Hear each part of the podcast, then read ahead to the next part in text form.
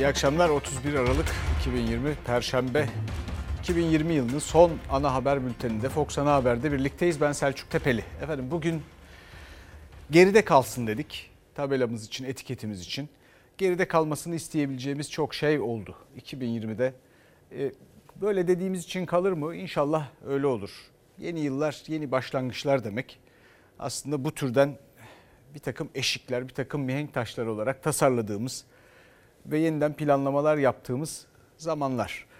E, geride kalsın dediğimiz, istediğimiz e, görüntüler, olaylar var. Mesela Aylin Sözer e, kaybettik, katledildi bir erkek tarafından ve bugün toprağa verildi. Bir anne, e, bir evlat, bir öğretmen toprağa verildi. Sizin hocanız olmak, sizi tanıma fırsatı bulmak çok güzeldi. Sizin öğretmeniniz olduğum için onur duyuyorum efendim. Saygılı eğiliyorum.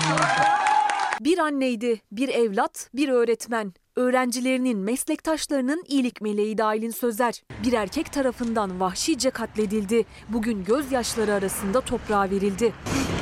Kardeşi var. Tutuklanan katil Kemal Ay Yıldız cinayetin hemen ardından Aylin Sözer'in telefonundan sanki oymuş gibi asistanı ve kardeşiyle mesajlaştı. Aylin Sözer'in hesabından asistanına göndereceği yüklü miktarda parayı istedi. Oğluşum bir ablam var çok sıkışmış. Evine haciz gelmiş. Onun yanındayım. Konuşarak rencide olsun istemedim. Sana hemen para göndersem, sen de bankaya bilgi versen, parayı dolar ve euro yapıp acil motor kuryeye versen olur mu? Ama iyi bir paket yap, içindekini anlamasın. Asistan Serkan Yaman durumdan şüphelendi. Aramasına cevap alamayınca durumu Aylin Sözer'le aynı apartmanda yaşayan kardeşine haber verdi. Seni daha sonra arayayım mı? Serkancığım merak etme ben iyiyim. Gerçekten müsait değilim. Nilay Sözer ablasının mesajlarına verdiği tuhaf cevaplar nedeniyle yedek anahtarla kapıyı açmaya çalıştı. Ancak kapı arkadan kilitliydi. Hemen polisi çağırdı. Polis geldiğinde Kemal Ay Yıldız içerideydi. Kapıya dayanak yaptı, evde yangın çıkardı. Hatta polisleri de yakmaya çalıştı. Polis katili evde kıskıvrak yakaladı.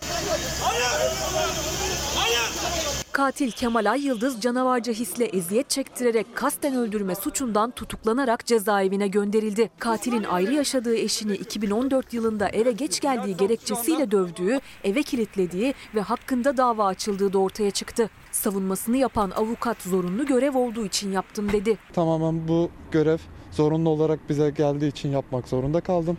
Bunu da belirteyim. Kemal Ay Yıldız ifadesinde Aylin Sözer'le eski sevgili olduklarını öne sürmüştü. Sözer'in ailesi bu iddiayı yalanladı. Kitapları için dolap yaptırmak istiyordu ve bu adamla konuşup fiyat almış. 25 bin lira isteyince anlaşamamışlar. Erkek arkadaşı olsa bilirdik. Ayrıca alt katında oğlu oturuyor, üstte kız kardeşi oturuyor. Yani hep birlikteler. Hiçbir şekilde aralarında gönül ilişkisi yok. Ben buna inanıyorum. Zaten benim kızım delikanlıdır. Her şeyi söyler. Sevgilim var derdi bize. Polis cep telefonu, e-posta hesapları ve banka hesaplarını incelemeye aldı. Telefondan yapılan mesajlaşmalar da delil dosyasına eklendi. Aylin Sözer'in cenazesi bugün Maltepe Gülsuyu Mezarlığı'nda toprağa verildi. Acılı ailesi cenaze namazı sırasında güçlükle ayakta durabildi. Sevdikleri yakınları gözyaşlarıyla uğurladı iyilik meleğini. Bir anne, bir evlat, bir öğretmen yakılarak bir canavar tarafından katledilmiştir. Dosyanın sonuna kadar takipçisi olacağız. Sanığın en ağır ceza alması için elimizden gelen her şeyi yapacağız. Erkek şiddetinin ise sonu gelmiyor. Aylin Sözer'in toprağa verildiği saatlerde İstanbul'un bir başka noktasında Esenyurt'ta bir baba kızını bıçakladı. Battal Gazi mahallesindeki bu evde oturan 3 çocuk annesi 40 yaşındaki Dilek D'nin durumu ağır. Olayla ilgili soruşturma başlatıldı. Peki kadın cinayetlerinin durdurulması için siyaset ne yapacak? Buna bakıyoruz. Bunu bekliyoruz. Beklemeye de devam edeceğiz. Bu arada e, Meral Akşener bir eleştiride bulundu. Erkek siyasetçilere özellikle laf çok, icraat yok çıkışı yaptı. Bir de İstanbul Sözleşmesi uygulansın dedi. Benim hayalimdeki Türkiye'de bir kadına elini uzatan o alçağın elinin kırıldığı bir Türkiye var. Bir kadına uzanan ellerin kırıldığı bir Türkiye'yi birbirimize ellerimizi tutarak sarılarak kadınlar başarmak zorundayız. Aylin Sözer kardeşimiz milletimizde büyük bir üzüntüye neden olmuştur. Artık kadınlarımız ölmesin, masumlara kıyılmasın, çocuklar ağlamasın, geleceğimiz kararmasın. Bol bol konuştu adamlar. Eylem sıfır. Konuştular, bağırdılar. Ortada hiçbir şey yok. Bu adamlardan bir şey çıkacağı yok. Laf çok, icraat yok. Birbirimize biz kadınlar sarılmak zorundayız. MHP Genel Başkanı Bahçeli artık kadınlarımız ölmesin dedi. İyi Parti Genel Başkanı Akşener laf çok icraat yok diyerek kadınlara çağrı yaptı. Erkek siyasetçilere ses yükseltti. 2020 sona ererken bir günde 3 kadının hayatının erkek şiddetiyle son bulmasının yaşattığı acı büyük. Hepimizin görevi kadın cinayetlerini durdurmak için kadın cinayetlerinin politik tercihlerin birer sonucu olduğu, iktidara öz eleştiri düşerek, muhalefete de işbirliği düşerek el ele vererek bu işleri yapmaktır. Hepimizin boynumuzda bugün bu tülbentleri dağıttık. Bir yılda öldürülen kadınlarımızı sembolize ediyor. Bir kadını oğlu, bir kadını kocası, bir kadını iddiaya göre arkadaşı katlettiler. Meral Akşener bir yılda 385 kadın katledildi dedi. İstanbul'da kadın emektarların pazarından verdi mesajlarını. Tepkisi sadece siyah tülbentle değil. Üzerinde İstanbul Sözleşmesi uygulansın yazan mor renkli maskesiyle de sembolize oldu. Yaz aylarının en sıcak tartışması İstanbul Sözleşmesi'ne getirdi sözü. İstanbul Sözleşmesi olmazsa Türkiye'de kadına karşı şiddet artar tezi de bir şehir efsanesidir. İstanbul Sözleşmesi üzerinden müthiş bir kavga başlatılmıştı. Kavgayı bir kenara koyup İstanbul Sözleşmesi'nin hükümlerinin uygulamaya derhal konulmasını talep ediyorum. Katledilen bütün kadınlarımıza rahmet diliyorum. Her birinden hiç parmağını kıpırdatmayan bu adamlar adına özür diliyorum. İstanbul Sözleşmesi'ni bile bu sene içinde tartışmaya açanların kadın cinayetlerini engelleme konusunda söylediği sözlerin bir samimiyeti yok. İstanbul Sözleşmesi uygulanmadığı için kadınlar ölüyor diyen üniversiteli kadın kolektifleri üyeleri ise Ankara'da AK Parti il binasında eylemdeydi. Mor boyalar atarak il başkanlığına girdiler.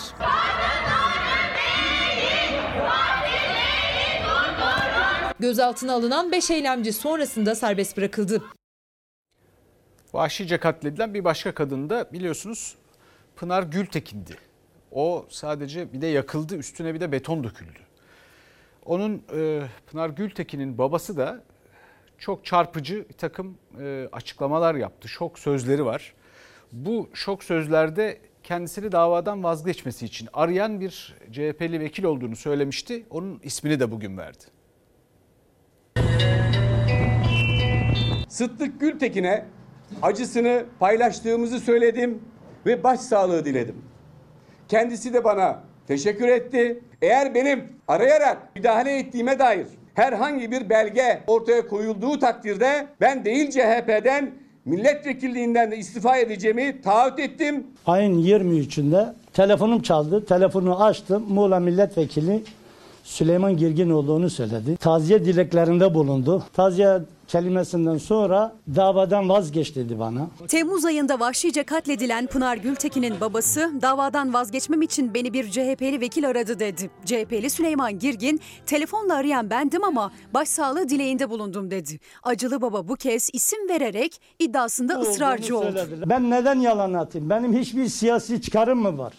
Ben acılı bir babayım. Zaten derdimle uğraşıyorum. 27 yaşındaki üniversite öğrencisi Pınar Gültekin 16 Temmuz'da Muğla Akyaka'da hunharca bir cinayete kurban gitti. Pınar'ın eski erkek arkadaşı Cemal Metin Avcı cinayet zanlısı olarak tutuklandı. 4 Ocak'taki duruşma öncesi acılı baba Sıddık Gültekin'in iddiası gözlerin CHP'ye çevrilmesine yol açtı. Taziye kelimesinden sonra davadan vazgeç dedi bana. Beni arayan kişinin de bu olduğunu buyurun WhatsApp'ında bu olduğunu söylediler. CHP Muğla Milletvekili Süleyman Girgin basın toplantısı Özellikle düzenledi. Muğlalılar O kişi benim ama babayı başsağlığı için aradım dedi. 23 Temmuz'da danışmanlarımdan babanın telefon numaralarını bulmasını istedim.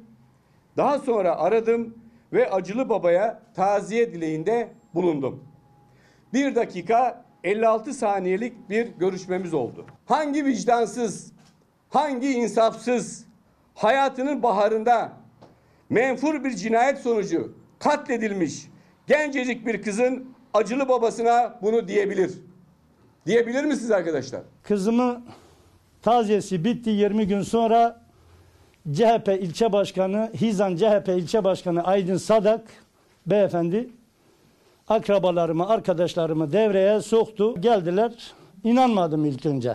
Ne kadar e, para isteyeceğini yani ne kadar istersen veririz yeter ki davada vazgeç zaten kamu davası sürüyor. Haber çıkmadan CHP ilçe başkanını görevden alıyorlar Hizan'da. Kendimden en ufak bir şüphem de yok. Gerçekler er ya da geç ortaya çıkacaktır. Kızı vahşice katledilen baba sonuna kadar hakkını arayacağını söyledi. Katilin Cani'nin annesi Muğla'da CHP ilçe başkanlığı mı yapıyor, il başkanlığı mı yapıyor? Zaten olay günü istifa ediyor. Benim kızıma Muğla'dan çok iftiralar atıldığı için ben bu davadan vazgeçmeyeceğim. Ben zaten yaşayan bir ölüyüm. Bu açıklamalardan sonra gözler CHP Genel Merkezi ve Milletvekili Süleyman Girgin'de. Artık Pınarlar ölmesin, Türkiye'de kadın cinayeti yaşanmasın. O kadar çok yol var ki önümüzde gidilmesi gereken. O kadar zor bir mesele ki bir yandan da böyle gerçek sorunlarımızdan biraz kaçıyor gibiyiz. Türkiye'nin biraz durumu budur. İki tane konu var. Bu mesleği yaptığım bütün bu süre zarfında e, fark ettiğim bir şey var. Özellikle iki konuda gerçekten ciddi ve büyük sıkıntı olan e, ama çaresi olmayan bu iki konuda insanlar biraz hassasiyet gösteriyor ama ondan sonra çarede bir ümidi olmadığı için galiba kaçmaya başlıyor. Bir tanesi kadın cinayetleri, bir tanesi de deprem konusu. Bu bir çözüm, bir çare bulunacağına dair ümitsizlikten kaynaklanıyor. Bu ümidin verilmesi için insanlara siyasetin gerçekten gidişatı değiştirecek bir adım atması gerekiyor. Bakıyoruz bir hassasiyet var yine. Bakalım oradan öyle bir adım gelecek mi? Takip etmeye devam edeceğiz. Efendim şimdi aşı gündemimize geçelim. 2021 yılına aşılarla birlikte giriyoruz. Gündemiyle birlikte giriyoruz. Şimdi bu aşı ile ilgili açıklamalar ve nasıl yapılacağına dair detaylar var. Sağlık Bakanı açıkladı bunları. Fakat orada bir şey dikkat çekti. Birinci dozla ikinci doz arasındaki süre değişmiş. Anda aşıyla ilgili iki tane önemli sorun görüyorum ben önümüzde. Bir tanesi faz 3 final analiz sonuçları yok onay için gerekli olan. İkincisi de eksik doz. Henüz faz 3 çalışmasının sonuçları alınmamış 3 milyon Çin aşısı incelenirken Pazarı, Sağlık Bakanlığı'ndan süre değişikliği açıklaması geldi. Aşı 2 doz. İlk dozu uygulandıktan sonra ikinci dozun yapılması için 2 haftalık süre gerekiyordu. Bakan Koca ise o sürenin 28 gün olarak değiştirildiğini duyurdu. Doz aralığını açıyor olmak kendi kendimize yapabileceğimiz bir iş değil. Ancak yeni bir çalışma demektir bu. Çin'den Ankara'ya ulaşan koronavirüs aşıları ile ilgili soru işaretleri devam ederken bilim kurulu toplandı ve sonrasında Sağlık Bakanı Fahrettin Koca yazılı açıklama yaptı. Açıklamada dikkat çeken nokta aşının iki dozu arasındaki bekleme süresiydi. İlk doz vurulduktan sonra beklenmesi gereken 14 günün iki katına 28 güne çıkarıldığını duyurdu Bakan Koca. Enfeksiyon hastalıkları Hastalıkları uzmanı Profesör Doktor Esin Davutoğlu Şenol'a göre bu yeni bir klinik çalışma anlamına geliyor. Faz 3'ü bitmemiş ve yeni bir doza geçtiğiniz bir aşıyı yapacağınız zaman insanlara biz sizde bir klinik çalışma yapıyoruz demek durumundasınız. Yani şu an bu bu anlama mı geliyor? 28 gün doz aralığı bu anlama geliyor. Yeni bir çalışma demek anlamına geliyor. Türkiye nüfusu 83 milyon, gelen aşı 3 milyon. Sağlık Bakanı öncelikle sağlık çalışanları ve huzur evinde yaşayanların aşılanacağını açıkladı. Uzmanlara göre ise salgının hızını yavaşlatmak için bir an önce kitle aşılamasına geçilmesi gerek. 65 yaş üstü nüfusu hemen aşılamamız lazım. 1 milyon sağlıkçıyı hemen aşı, aşılamamız lazım. Bu söylediğim iki grup zaten 7-8 milyon etmiş oldu. Türkiye'de risk grubu dediğimiz hastaları aşılamamız lazım. 60 yaşın üstünde risk grubu olanları aşılamak dersek en aşağı bir 30-31 e, milyon doz aşıya ihtiyacımız olduğu ortaya çıkıyor. Yeni aşılar aile sağlığı merkezleriyle kamu, özel ve üniversite hastanelerinde uygulanacak. 65 yaş üstü ve kronik hastalar sıranın kendilerine ne zaman geldiğini en abızdan görebilecek. Aşı takibi için bir web sitesi ve tıpkı HES uygulaması gibi cep telefonlarına da indirilebilecek uygulama devreye sokulacak. Umarım grip aşılaması sürecine benzemez diyeceğim. Bir veri tabanı oluşturuluyor. Ama grip aşılamasında sahadan kopuk bir uygulama var idi. Tuhaf bir skorlama sistemi kullanıldı. Biz grip aşılamasında istediğimiz kadar sağlıkçıyı aşılayamadık maalesef. Aşı elimizde olmasına rağmen geldiği halde aşılayamadık. Dileriz düzgün kurgulanmıştır ve sahadan geri bildirim alırlar. Bunu umalım. Efendim şimdi aşı sayısı yetersiz ya. Aşı kuraklığını zamana yaymak için galiba o süreyi uzattılar gibi geliyor bana ama umarız hepimize yetecek kadar aşı bulunur. Hala gözümüz bir yandan da yeni aşılarda çünkü şu anda bizim aldığımız ya da geleceği söylenen aşılar nüfusta yeterli miktarda insanı, yeterli sayıda insanımızı aşılamaya yetmiyor. Bakalım takip edeceğiz. Bu arada da sağlık çalışanlarının Covid-19 nedeniyle hayatlarını kaybettiklerinde Covid-19'un meslek hastalığı sayılması ile ilgili bir süreç vardı biliyorsunuz. Bu süreçte de ilk kez bir e, sağlık çalışanı, bir e, efendim acil e, sağlık emekçisi şoför e, Covid-19'dan hayatını kaybetti ve meslek hastalığı sayıldı. Çalışırken ölmek istemiyoruz. 9 aydır hem salgınla hem de hakları için mücadele ediyorlar. 312 meslektaşını koronavirüsten kaybeden sağlık çalışanlarının sesi ise Cumhurbaşkanı'nın Covid-19 meslek hastalığı sayısının talimatından sonra duyuldu. Çankırı Devlet Hastanesi'nde doktor, hemşire, ebeleri taşıyan şoför Hasan Aslan'ın Covid-19 nedeniyle vefatı meslek hastalığı sayıldı ve yakınlarına maluliyet aylığı bağlandı. Bu pandeminin başından beri bir ilk. Bunun e, kabul edilmiş olması hele bakanın o tarihsiz açıklamasından sonra meslek hastalığı olarak kabul edilmiş olması çok olumlu bir gelişme. Meslek hastalığı statülerinin hızla sonuçlandırılması sağlanacaktır. Bu talimat ilk kez bir sağlık emekçisi şoföre haklarının teslimini sağladığı gibi geçmişte haklarını alamayanlar için de harekete geçilmesine neden oldu. Onlardan biri de İzmir'de büyük bir fabrikada işçileri koronavirüsten korumak için çalışan iş yeri hekimi Doktor Muharrem İdiz. Pandeminin başında hayatını ilk kaybeden doktorlardan. 25 Mart'ta Covid-19 belirtileri başladı. 2 Nisan'da vefat etti. SGK ilk başvuruda Doktor İdiz'in ölümünü meslek hastalığı saymadı. Biz iki kardeşiz. Annem ev hanımı. Benim eğitimim hala devam etmekte. Geçimimizi babam sağladığı için şu an hayatta olmadığından dolayı büyük sıkıntılar yaşıyoruz. Ailesi yaşadıkları acıyla birlikte Sosyal Güvenlik Kurumu'na İdiz'in görevi başındayken koronavirüs kaptığını ispat etmeye çalıştı. Ama SGK illiyet bağı yok dedi. Cumhurbaşkanının talimatından sonra ise SGK fikrini değiştirdi, yeniden inceleme istedi. Tesadüf değil bizim belgelerimizin tekrar incelenmesine ilişkin işlemler. SGK aslında bu olayı kapatmıştı. Yeniden açıldı Doktor İdiz'in dosyası ama sonuç ne olacak belli değil. Çünkü İdiz'in görevi nedeniyle koronavirüs kapıp kapmadığı yani illiyet bağı olup olmadığı yine de incelenecek. Her ne kadar Cumhurbaşkanı tarafından bu konuyla ilgili sürecin hızlandırılması konusunda talimat verilmiş ise de bize gelen yazıdan biz şunu anlıyoruz. Hala kamuoyuna aktarıldığı e, şekliyle yapılmış bir hızlandırılmış bir süreç söz konusu değil. Bir illiyet bağı tartışmasına tekrar e, giriliyor. Yüksek Sağlık Kurumu'na siz belgelerini gönderiyorsunuz, kanıtlamaya çalışıyorsunuz. Onlar reddediyorlar, siz mahkemeye veriyorsunuz. En az 4-5 yıllık bir süreç bu. Bu durumun bir meslek hastalığı olarak doğrudan kabul edilmesini sağlayacak bir yasa çıkmasını istiyoruz. O kadar uzun zamandır gündemde gündemimizde ki biz de burada her an her gün paylaşmaya çalışıyoruz. Covid-19'un sağlık çalışanları için meslek hastalığı sayılması hatta bunun yasalaşması için. Çünkü bunu bir de yasalaşması gerekir ki standart bir uygulama haline gelsin. Şimdiki de bir aşama. Bunun için de Cumhurbaşkanı Erdoğan'a, efendim Sağlık e, Bakanı Fahrettin Koca'ya zaman zaman eleştiriyoruz aynı zamanda e, Çalışma ve Sosyal Güvenlik Bakanı Zehra Zümrüt Selçuk'a, SGK yetkililerine bu aldıkları karardan dolayı teşekkürler. Bundan sonra her bir yeni kararda da teşekkür ederiz. Yeter ki sağlık çalışanları bundan faydalansın. Ee, şimdi e, siyasetin gündemine geçelim. Siyasetin gündeminde yeni yıl var, yeni yıl dilekleri var. Bakalım siyasetin gündeminde ne çeşit dilekler var? Ekonomimizi güçlendirecek, demokrasimizin, hak ve özgürlüklerin çıtasını yükseltecek reform hazırlıkları içindeyiz. Milletimizin takdirine sunacağız. Bunu vaat ediyor ve gerçekleştiriyorlarsa e, benim de görevim onları alkışlamaktır. Ama bunu yapmıyorlarsa e, kimse kusura bakmasın ben o zaman eleştiririm.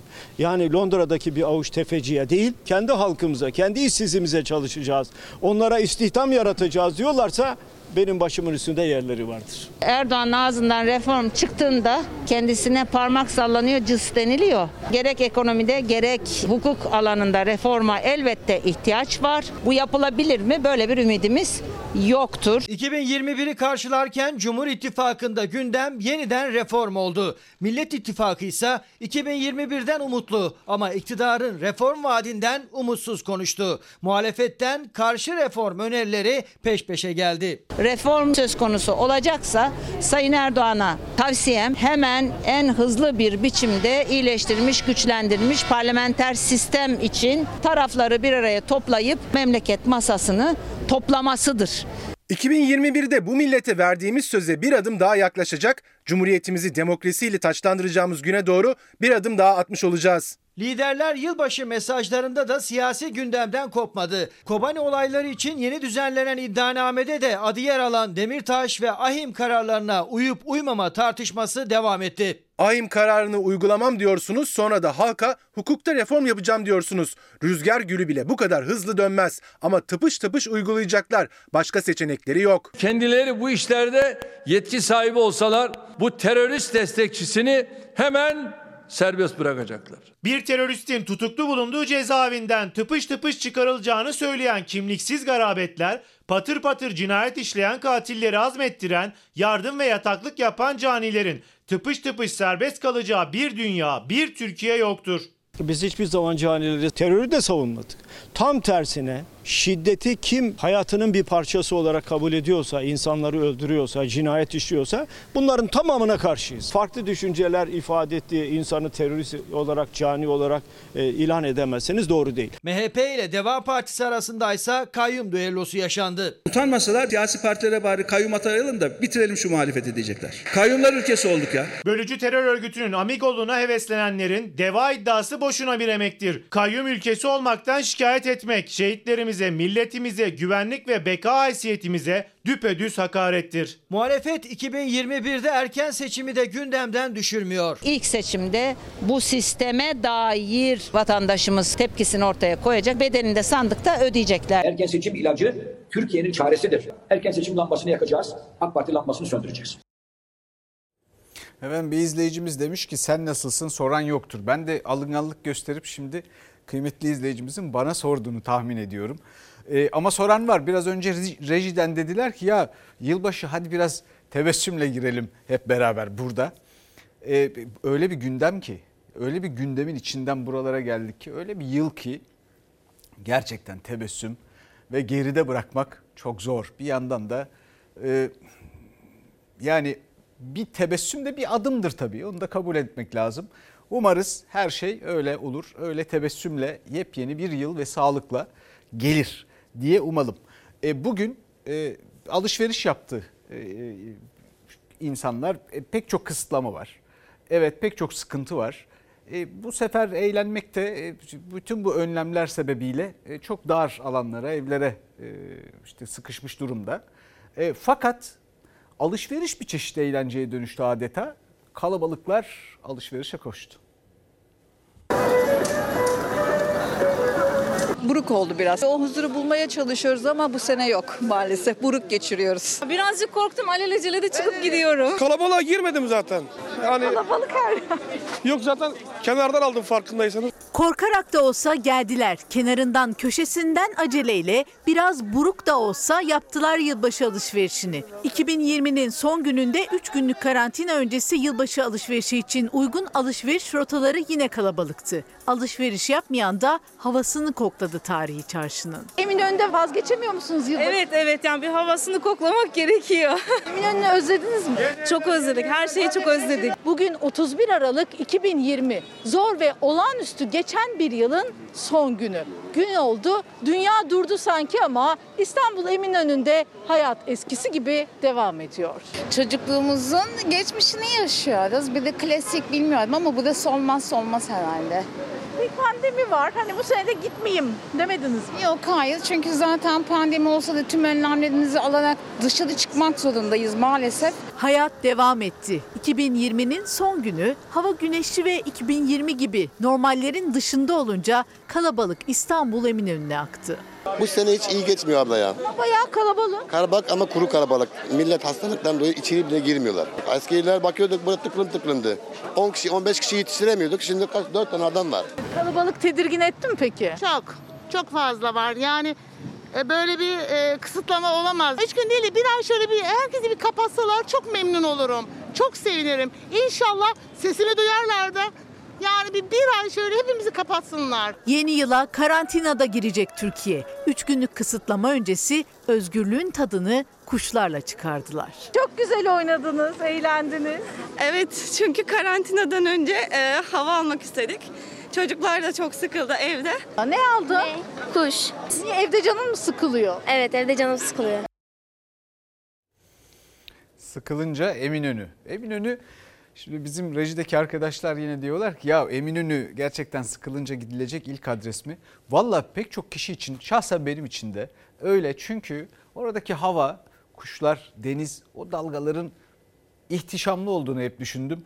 Bana öyle gelir mesela. Pek çok kişiye de belli ki öyle geliyor. E, böylece size katılmadığımı da buradan beyan etmiş oluyorum. Onlar da bana teşekkür ediyorlar. Efendim şimdi e, çarşıdan pazardan devam edelim. İyi Parti Genel Başkanı Meral Akşener kadınların sorunlarını dinledi. Satışlar nasıl oldu? Bugün iyi değil. Daha önce iyiydi. Bugün iyi değil. Ben 4 aydır kiramı ödeyemiyorum. Millette para yok. Pandemide 20 yıllık iş hayatım bitti. Nasıl geçiniyorsunuz? Çözemiyorum. İşte çözemiyorum yani. Ne olacak böyle? Kadınlar konuştu bu kez. Evin ekonomisine en çok yüklenenler yani. Meral Akşener hem alışveriş yaptı kadınların el emeği tezgahlarından hem de dertlerini dinledi. Eşi işsiz kaldığı için ilk kez tezgah açan Gülseren Ünal ise zor günlerin birikimi gözyaşlarını tutamadı daha fazla. İlk siftahını öğle saatinde Akşener'le yaptı. Ne kadar? Valla ben ilk defa siftah yapacağım 20 lira verirseniz yeter. Gelir kaybına uğrayan var mı eşiniz mesela? Benim eşim e, servisçi. Okul servisinden dolayı kaldı. Kışın e, kızım da Marmara Üniversitesi'ni bitirdi işsiz evde. Ben de böyle bir şey yapayım yani sonunda dokuyum dedim. Ne bileyim ben ilk defa geliyorum. için ağladınız? Ne bileyim işte duygulandım.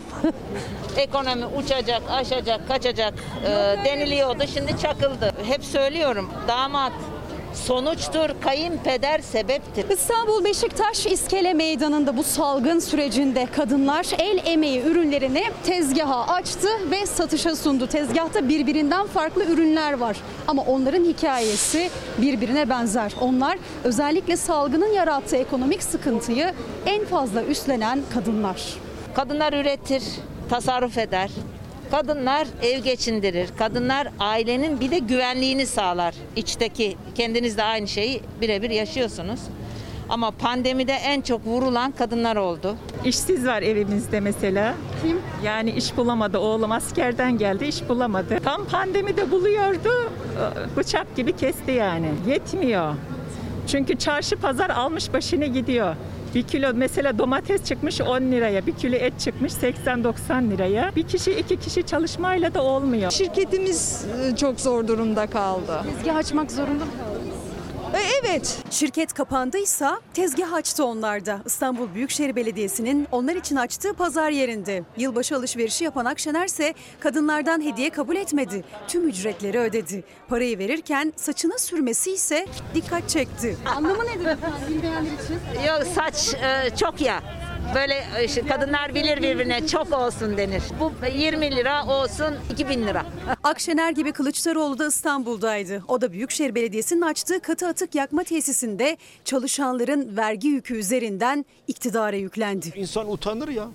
Ya bu bunun nesinden vergi alacaksın sen? İşçi aylığını alırken vergi kesiyorsun, harcamayı yaparken de vergi kesiyorsun. Eğer Cumhuriyet Halk Partili belediyeler 3100 lira net asgari ücret veriyorlarsa bundan utanması gerekenler devleti yönetenlerdir. E hadi bakalım şimdi tebessüm et. E, daha maaşları almadan 2021 yılı maaşlarından nasıl e, eriyeceğini, nasıl vergi alınacağını anlatılan bir haber var şimdi. E, onu izleyelim bakalım. 2021 yılında vergi rekortmeni yine işçiler, memurlar, maaşlı çalışanlar, bordrolular olacak. 2021'e girerken asgari ücret %21 arttı. Özel sektörde bu ücretin çok değil biraz üstünde maaş alanların zam oranları ise %20'nin altında. Ama yüzde kaç alırsa alsın o zammın da vergisi var. Zaten bordrolu çalışanlar maaşları eline geçmeden vergisini veriyor. İşverenin yaptığı zammın tamamı da çalışanın cebine girmiyor. Aydan aya zam farkı buhar olup uçuyor. 2020 yılında 5000 lira bürüt maaşla çalışan vatandaşın %15 zam aldığını düşünürsek 2021 yılında bürüt 5750 lira aldığını düşündüğümüzde yılın başında 4379 lira agi dahil eline geçerken yılın sonunda bu tutar Aralık ayında 3792 liraya düşecektir. Yani aldığı %15'lik zammın yaklaşık %5'i vergilere ve primlere gidecektir. Eline aslında zammın %10'luk kısmı kalacaktır. 2020'den 2021'e girerken işverenin %15 zam yaptım dediği 5 bin lira brüt maaşı çalışan 750 lira zam alacağını düşünecek. Çünkü maaş zamları brüt maaş üzerinden hesaplanıyor. Ancak Ocak ayında hesabına yatacak para 750 lira fazla değil 584 lira fazla olacak sadece. Gelir vergisi kesintisi yapılacak bu zam farkından da. Yani 750 liralık zam işverenden çıkacak ama 166 lirasını da devlet alacak. Vergi dilimleri bu nedenle çok önemlidir. Vergi dilimleri düşük kaldıkça vatandaş daha erken bir sonraki dilime girmekte, eline geçen net ücret azalmaktadır. Oranlar böyle çünkü bu yıl en düşük %15'lik vergi dilimi %9,09 artırıldı. 22 bin liradan 24 bin liraya çıkarıldı. Yıl içinde ay ay. Alınan maaşların toplamına göre yine kesintiler %20 ila %40 olacak. Vergi dilimindeki genişleme %9'la kaldı. Oysa enflasyon %14. Devlet çalışanlardan kestiği gelir vergisinin dilimlerinde de bu enflasyonu baz alsaydı çalışanın maaşından daha az vergi kesilecekti. Şayet her yıl yeniden değerleme oranı kadar arttırılsaydı bugün 2021 yılında 24 bin lira olan ilk diliminin yaklaşık 59 bin lira olması gerekirdi. Bu ne demek? 5 bin lira brüt maaşla çalışan bir vatandaşta yıllık yaklaşık 1600 liraya yakın bir kayıp demek. 2021'e girerken de değişen bir şey yok. Devletin pastasında en büyük dilim çalışanlardan kesilen gelir vergisi olacak yine. Ocak'ta alınan 4379 liralık maaş aralığa gelene kadar 3792 liraya düşecek. Geliri adil dağıtmak için vergiyi adil toplamak gerekir. Efendim şimdi de CHP lideri Kemal Kılıçdaroğlu işsiz mühendislerin dertlerini dinledi. Yüksek e, puanla üniversiteye giriyorlar ve atanamıyorlar. İş bulamıyorlar. Özel sektörde de öyle. O bakımdan da onların dertleri de büyük. Yani jeoloji mühendislerinden maden mühendislerine kadar kimler yok ki? Bizim mesleğimizle hiçbir ilgisi olmayan sınava tabi tutuluyoruz. Ondan da 85 üzeri puanlar almamıza rağmen hala bizden ekstra şeyler isteniyor. Onu da yaptıktan sonra bu sefer amca dayı muhabbeti tabiri caizse o olmuyor. E torpilinde gözü kör olsun. Türkiye'nin bilim ve teknoloji üreten beyinleri, mühendisler CHP lideri Kemal Kılıçdaroğlu'na neden işsiz kaldıklarını anlattılar. En büyük şikayetleri tıpkı üniversite sınavında olduğu gibi KPSS'de de yüksek puan almalarına, çokça emek vermelerine rağmen kamuda işe girememek. Biz bunun önüne nasıl ne şekilde geçebileceğiz inanın bilmiyoruz. Bir genelgeyle bakın her şey değişebilir. Cumhurbaşkanlığının genelgesi. Bütün kamu kurumları sadece ve sadece boş kadrolarını KPSS'den talep edip dolduracaklardır. Nokta. Hiçbir kamu kurumu KPSS dışında eleman alamaz artık. Niçin yapılmıyor bu? Torpil yüzünden yapılmıyor. Liyakatta problem var. Referans olmadığı için yerel yönetimlerde işe alınamayan meslektaşlarımız 1986'dan beri jeofizik mühendisi almamış karayolları Sayın Kılıçdaroğlu. Birçok bölge müdürlüğünde de jeofizik mühendisi yok. Ülke genelinde olan sadece 3 tane ve emekli olmalarına 2 sene kalmış. Gençler gibi CHP lideri de bir örnek verdi. Kamuda işe alımlardaki sözlü sınava dikkat çekti. Hukuk fakültesi mezunu bir e, arkadaş hakim savcı sınavına giriyor. 3 sınavda da birinci oluyor. Ama hep sözlülerde eleniyor. Danıştay bir karar verdi. Sözlü sınavlarda kamera konsun diye. Kanun değiştirdiler. Mülakatlarda kamera olmaz diye. Mimarlar olarak öncelikli sorunumuz üniversite kontenjanlarındaki artışa rağmen atamaların yıllar geçtikçe düşmesi. İşsiz mühendisler son yıllar yıllarla çoğalan üniversite sayısıyla mezun sayısının da arttığını ama istihdamın aynı oranda arttırılmadığını söyledi. 2 yılda 24 bin inşaat mühendisi mezun oluyor. Buna karşın devlette son 2 yılda açılan kadro sayısı yalnızca 131. KPSS'den %1'lik kısma giren inşaat mühendisleri yüksek puanlarına rağmen deprem gerçeğine rağmen hala açıkta kalmakta. Bir inşaat mühendisinin anlattıkları ise sık sık deprem gerçeğiyle yüzleşen ve her seferinde acıyı tecrübe eden Türkiye'de binalar neden olması gerektiği gibi sağlam değil sorusuna cevap gibiydi. Özel sektörde ise mezun çokluğumuz fırsata çevrilmiş müteahhitler tarafından. Asgari ücretin altında çalıştırılıyoruz. Sadece imzamız kullanılıyor. Meslek dışı işler yaptırılıyor bize ne yazık ki. Bir arkadaşım güzel bir şey söyledi. İmza mühendisliği yapıyoruz diye. Bunu da not aldım. Gençler gelecek kaygılarını anlattı. Kılıçdaroğlu not aldı. CHP liderinin son mesajı ise iktidaraydı. İktidardakilerin hakkı, hukuku, adaleti dinlediklerini hiç sanmıyorum. Onlar kendi havalarında yani. Cepleri doluysa hiçbir sorun yok.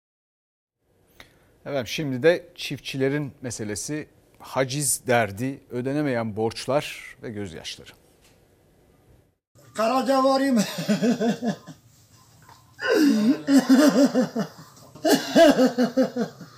Hayvanlarını koyduğu ahır bomboş şimdi. Traktörü de son gelen hacizle satıldı. Oğluna kefil olduğu için icralık olan çiftçi yeni yıla ağlayarak girdi. tamam tamam hadi. Gel ne yapacağım? ne yapacağım ben şimdi? Utansın devlet utansın. Hacizle boğuşan yüzlerce çiftçi var. Malatya'nın Yazıhan ilçesine bağlı Karaca köyünde yaşayan Erbaş ailesi o çiftçiler arasında. Hüseyin Erbaş'ın Tarım Kredi Kooperatifine 15 bin lira borcu vardı. Borç zamanla 55 bin lira oldu. Avukat masrafıyla 80 bini geçti. Aslında köylünün traktörü haciz edilemez ediyorlar işte. Hüseyin Erbaş borcunu ödeyemeyince ona kefil olan babası Hasan Erbaş'ın traktörüne el konuldu. İcra memurları geldiğinde baba oğul tarlada çalışıyorlardı. Şu ağını da çek. Şu ağını da çek. Burada don dünya kadar Şey da çek, var. Cumhuriyet O gitti. Her şey gitti. Bir traktör kaldı. O da gidiyor. Utansın ha. Satılan traktör götürülürken Hasan Erbaş çaresizliğini böyle haykırdı. Ben elimde bir traktörüm var. Ne yapacağım ben şimdi? Hasan Erbaş başka kişilere de kefil olmuştu zamanında. Ona çıkarılan 110 bin liralık borcu inekleriyle koyunlarını satıp ödedi. En son traktörü de elinden giden yaşlı çiftçi boş kalan ahırına bakıp gözyaşlarına boğuldu.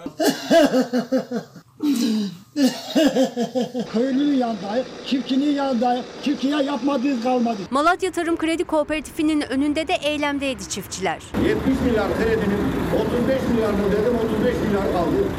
O 35 milyar 2 senenin içinde 235 milyar olarak şimdi ipleye verildi. Bu borçları çiftçi tarlasını satmayla, evini satmayla, çalışmayla ödeme şansı yoktur. Borç batağından kurtulamayan icralık çiftçiler faizlerin silinmesini istedi. Tarım kredi kooperatifinin faizi yüzde 40 mı, yüzde 100 mü ben hesaplayamıyorum. Üniversite mezunuyum. Bizim borcumuzu ertelemesinler, yapılandırmasınlar. Faizini silsinler, ana parasını ödeyip çıkarın biz bu işte. Efendim, çiftçinin borçlarının yapılandırılması hatta faizlerinin silinmesi çok önemli. Çünkü dediğim gibi çok az sayıda çiftçimiz kaldı. Yani 500-600 bin aralığında bir çiftçimiz var. 85 milyonluk bir ülkeyi besleyemez onlar. E, çünkü bırakıyor bu işi bu insanlar. Hatta görünümünden daha fazla insan bırakıyor. Çünkü bir kişinin çiftçiliği, tarımı bırakması demek yanındaki birkaç kişinin daha bırakması demek. Bu SGK'ya kayıtlı olanlar söz konusuysa böyle. Bu arada da biliyorsunuz tarıma dair bir takım önerilerde bulunuyoruz. O önerilerden 5'ini sıralamıştık.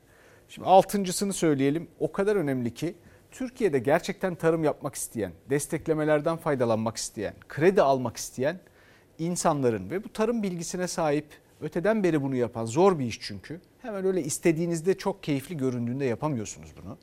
Verimli de olmuyor. O insanların tapu sorunlarının çözülmesi lazım. Türkiye'deki bütün gerçekten köylü, çiftçi bu işi yapmak isteyen insanların pek çoğunun kredi alması, destekleme almasının önünde ya da geleceğe dair planlar yapabilmesinin önünde bir engeldir bu. Tapu sorunlarının çözülmesi lazım. Şu ya da bu biçimde şu veya bu e, dava konusu o. Miras değil sadece aynı zamanda arazi, spekülasyon başka şeyler bir ton başka birçok sorun var.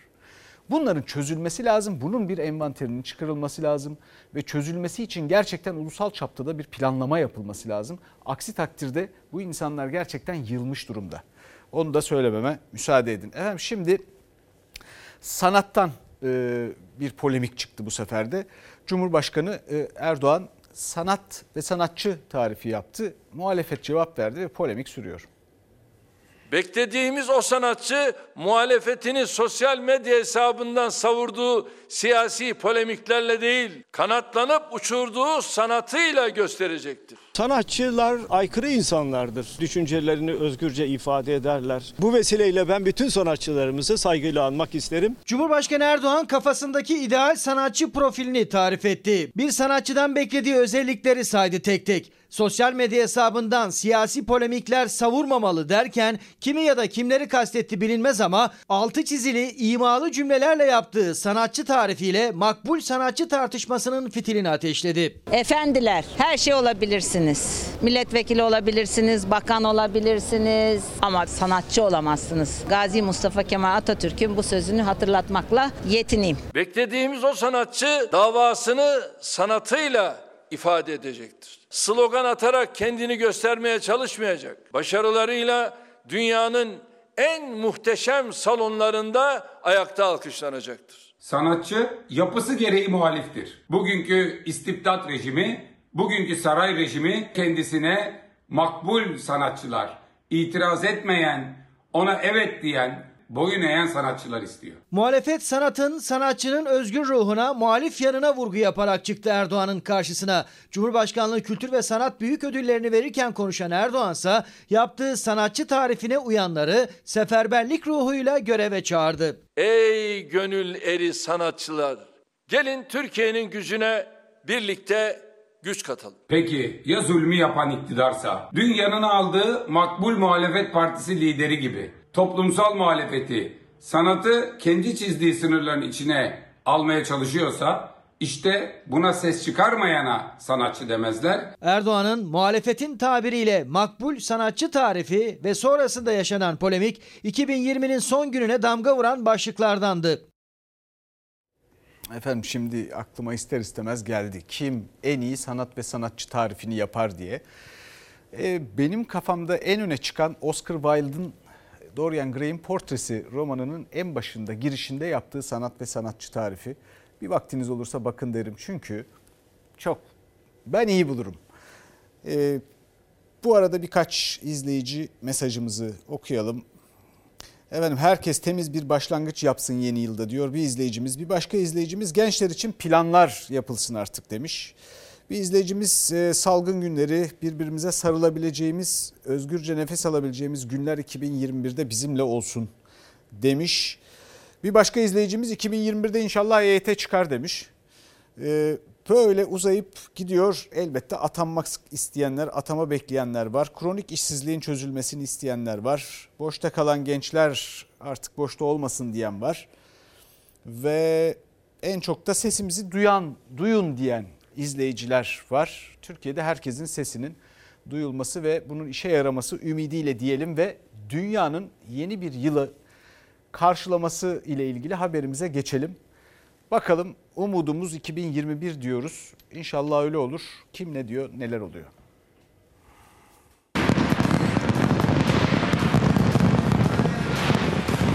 Havai fişekler patladı, ışık gösterileri yapıldı. Önce Güney Pasifik ardından Uzak Doğu Asya ülkeleri yeni yılı karşıladı. Meydanlar salgın nedeniyle boş kaldı.